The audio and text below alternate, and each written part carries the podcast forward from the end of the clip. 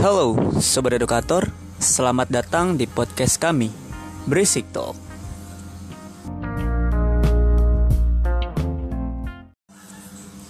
Pada kesempatan kali ini, saya Akbar Maulana nggak sendirian nih teman-teman, karena saya akan berbincang-bincang dengan tiga teman saya, yaitu Perkenalkan, saya Ananda Agustin. Halo, saya Vina Fauzia. Dan saya Imam Oktaviana. Kami dari Manajemen Pendidikan 2019 kelas B. Pada podcast kali ini kita akan mengangkat tema tentang transparansi dan akuntabilitas dalam pengelolaan sekolah. Lalu apa aja nih yang akan kita bahas putar tema tersebut? Nah, yang pertama, kita akan menjelaskan tentang pentingnya transparansi dan akuntabilitas dalam penyelenggaraan sekolah. Yang kedua, aspek-aspek transparansi dan akuntabilitas sekolah. Lalu, ketiga, indikator transparansi dan akuntabilitas dalam pengelolaan sekolah. Keempat, langkah-langkah dalam membangun transparansi dan akuntabilitas. Dan yang kelima sekaligus yang terakhir yaitu efek transparansi dan akuntabilitas dalam pengelolaan sekolah. Kita mulai pada pembahasan yang pertama nih teman-teman. Pentingnya transparansi dan akuntabilitas dalam penyelenggaraan sekolah. Transparansi dan akuntabilitas yang tinggi hanya dapat dicapai dengan pengelolaan sumber daya sekolah secara efektif dan efisien. Transparansi dan akuntabilitas tidak datang dengan sendirinya, setelah sekolah melaksanakan usaha-usahanya, ada tiga hal yang memiliki kaitan, yaitu kompetensi, akreditasi, transparan, dan akuntabilitas. Sekolah sebagai salah satu lembaga pendidikan yang dinilai mampu menjamin produk yang bermutu disebut sebagai sekolah yang telah terakreditasi. Sekolah yang terakreditasi dan dinilai mampu untuk menghasilkan lulusan bermutu selalu berusaha menjaga dan menjamin mutunya sehingga dihargai oleh masyarakat. Adalah sekolah yang transparan dan akuntabel jadi dalam hal ini transparan dan akuntabel tidaknya suatu sekolah bergantung kepada mutu outputnya. Di samping itu, transparansi dan akuntabilitas suatu lembaga juga bergantung kepada kemampuan suatu sekolah dalam mempertanggungjawabkan pengelolaan keuangan kepada publik. Menurut Selamat pada tahun 2005 menyatakan tujuan utama transparansi dan akuntabilitas adalah untuk mendorong terciptanya transparan dan akuntabilitas kinerja sekolah sebagai salah satu syarat untuk terciptanya sekolah yang baik dan terpercaya nih teman-teman penyelenggara sekolah harus memahami bahwa mereka harus mempertanggungjawabkan hasil kerja kepada publik, baik itu pemerintah, wali murid, warga sekolah, maupun masyarakat luas. Selain itu, pentingnya transparansi dan akuntabilitas bagi sekolah adalah untuk menilai kinerja sekolah dan kepuasan publik terhadap pelayanan pendidikan yang diselenggarakan oleh sekolah, untuk mengikut sertakan publik dalam pengawasan pelayanan pendidikan dan untuk mempertanggungjawabkan komitmen pelayanan pendidikan kepada publik. Jadi sangat jelas ya bahwa transparansi dan akuntabilitas itu sangat penting dalam penyelenggara pendidikan. Oke, berarti kita sudah mengetahui ya bahwa transparansi dan akuntabilitas sangatlah penting dalam pengelolaan sekolah. Selanjutnya, kita akan membahas ke pembahasan yang kedua, yaitu mengenai aspek-aspek transparansi dan akuntabilitas di sekolah. Fasli Jalal dan Dedi Supriyadi tahun 2001 menyatakan, upaya untuk mencapai transparan dan akuntabilitas institusi pendidikan memerlukan kurikulum yang relevan serta memperhitungkan kebutuhan pada masyarakat, keterlibatan peran serta masyarakat, kemampuan manajemen yang tinggi, komitmen yang kuat untuk mencapai keunggulan, sarana penunjang yang memadai, dan perangkat aturan yang jelas serta dilaksanakannya secara konsisten oleh institusi pendidikan yang bersangkutan. Transparansi dan akuntabilitas yang tinggi hanya dapat dicapai dengan pengelolaan sumber daya sekolah secara efektif dan efisien. Transparansi dan akuntabilitas tidak datang dengan sendirinya. Setelah lembaga-lembaga pendidikan melaksanakan usaha-usahanya, ada tiga hal yang memiliki kaitan, yaitu kompetensi, akreditasi, transparan, dan akuntabilitas.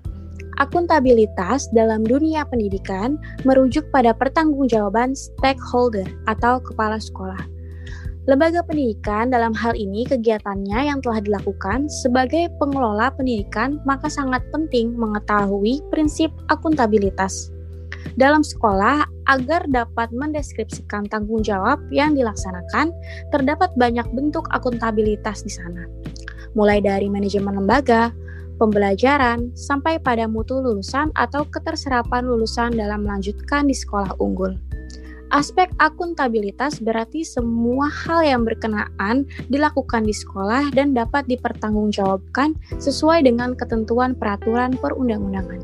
Sebagai alat kontrol, akuntabilitas memberikan kepastian pada aspek-aspek pentingnya perencanaan antara lain A. Tujuan atau performa yang ingin dicapai B. Program atau tugas yang harus dikerjakan untuk mencapai tujuan C cara atau performa pelaksanaan dalam mengerjakan tugas, D. Alat atau metode yang sudah jelas dan yang dipakai dalam waktu yang sangat lama, E. Bekerja yang semuanya telah tertuang dalam bentuk alternatif, F. Penyelesaian yang sudah pasti, G. Lingkungan tertentu pada tempat program yang telah dilaksanakan, dan H. Intensif terhadap pelaksanaan sudah ditentukan secara pasti. Salah satu transparansi dan akuntabilitas di sekolah yaitu dalam hal keuangan, teman-teman. Seperti pengelolaan dana BOS yang membutuhkan fleksibilitas dan otonomi yang diberikan kepada kepala sekolah dalam pengelolaan dana bantuan operasional sekolah atau BOS. Selain itu, dalam hal keuangan sekolah, akuntabilitas kinerja sekolah juga merupakan bentuk pertanggungjawaban sekolah dalam melaksanakan program kegiatan kepada seluruh warga dan pengguna jasa pendidikan. Untuk itu, sekolah perlu melakukan pemetaan program di awal tahun baik dalam jangka pendek, menengah, atau jangka panjang. Dengan melihat potensi yang dimiliki sekolah berupa sumber daya yang ada, dapat dijadikan sebagai bekal dalam melaksanakan atau menjalankan program-program yang berkaitan secara langsung atau tidak langsung terhadap pembelajaran. Setelah mengetahui aspek-aspek yang telah disampaikan oleh Gustin, kita harus tahu nih indikator atau sebuah standar pengukur keberhasilan dari transparansi dan akuntabilitas di sekolah.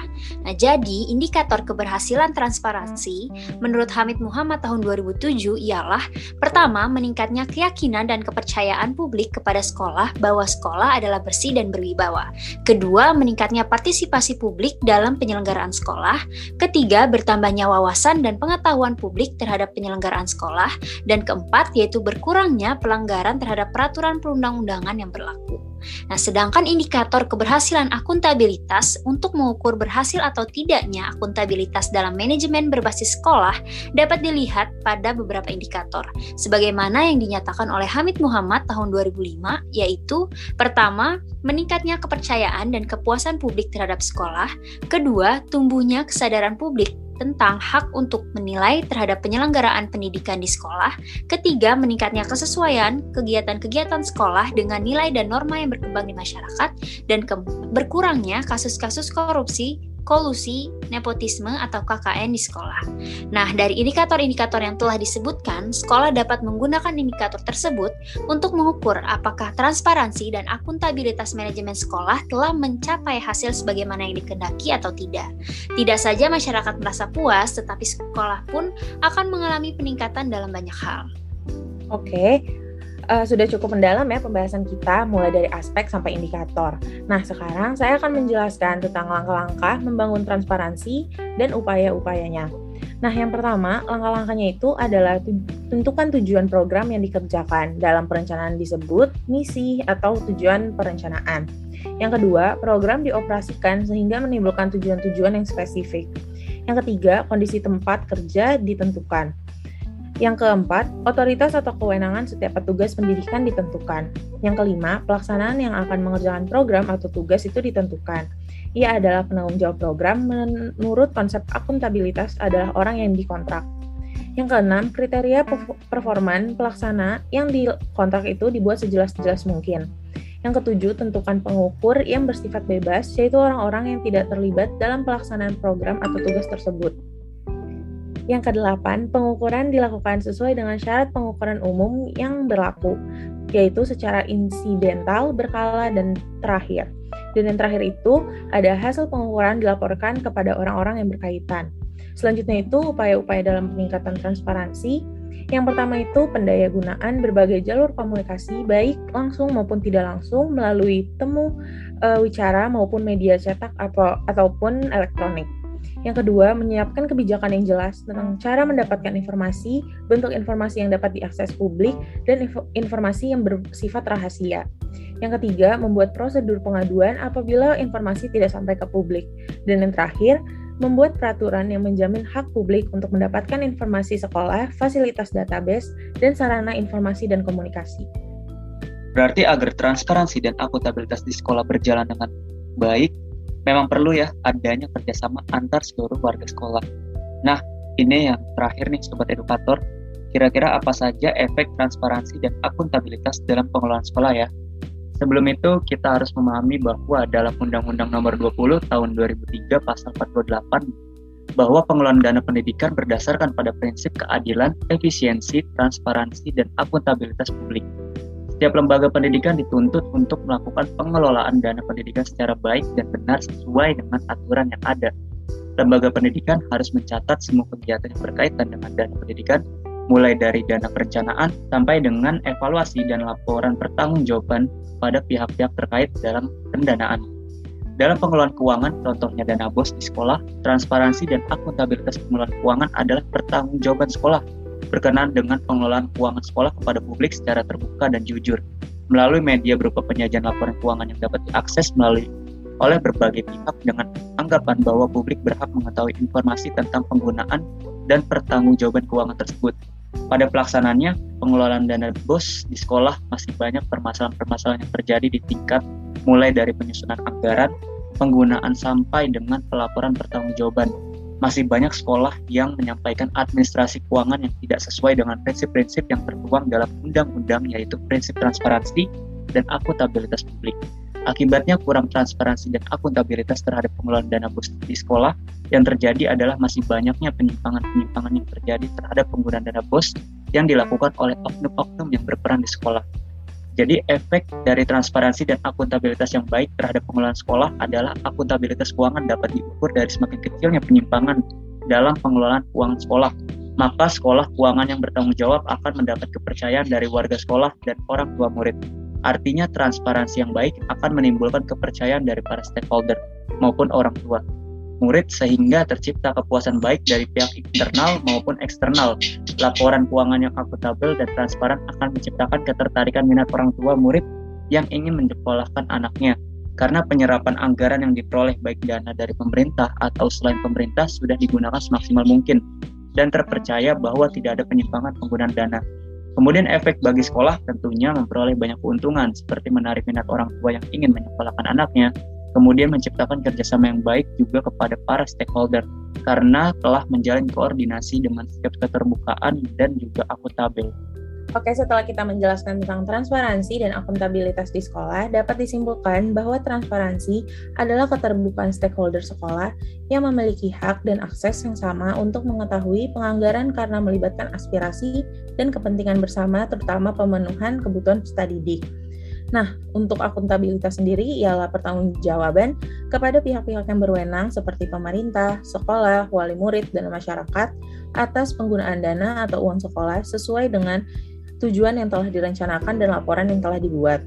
Nah, untuk tujuan transparansi dan akuntabilitas ini ialah agar terciptanya kepercayaan publik terhadap sekolah. Dan tujuan utamanya itu ialah untuk mendorong terciptanya transparan dan akuntabilitas kinerja sekolah sebagai salah satu syarat untuk terciptanya sekolah yang baik dan terpercaya. Dan untuk indikatornya, uh, berfungsi sebagai standar pengukur keberhasilan sekolah dalam pengelolaannya. Selain itu, indikator ini juga berdampak pada meningkatnya kepercayaan dan keyakinan stakeholder sekolah bahwa penyelenggaraan pendidikan adalah bersih dan bijaksana. Dan efek dari transparansi dan akuntabilitas yang baik ini ialah akuntabilitas keuangan dapat diukur dari semakin kecilnya penyimpangan dalam pengelolaan keuangan sekolah. Maka pengelolaan keuangan yang bertanggung jawab akan mendapat kepercayaan dari warga sekolah dan orang tua murid dan artinya transparansi yang baik akan menimbulkan kepercayaan dari para stakeholder maupun orang tua murid sehingga terciptanya kepuasan baik dari pihak internal maupun eksternal. Oke, uh, tadi sudah disimpulkan dan kita sudah berbincang-bincang nih sobat edukator. Semoga podcast ini dapat bermanfaat untuk sobat edukator semuanya. Sekian, terima kasih dan sampai jumpa. Sampai jumpa.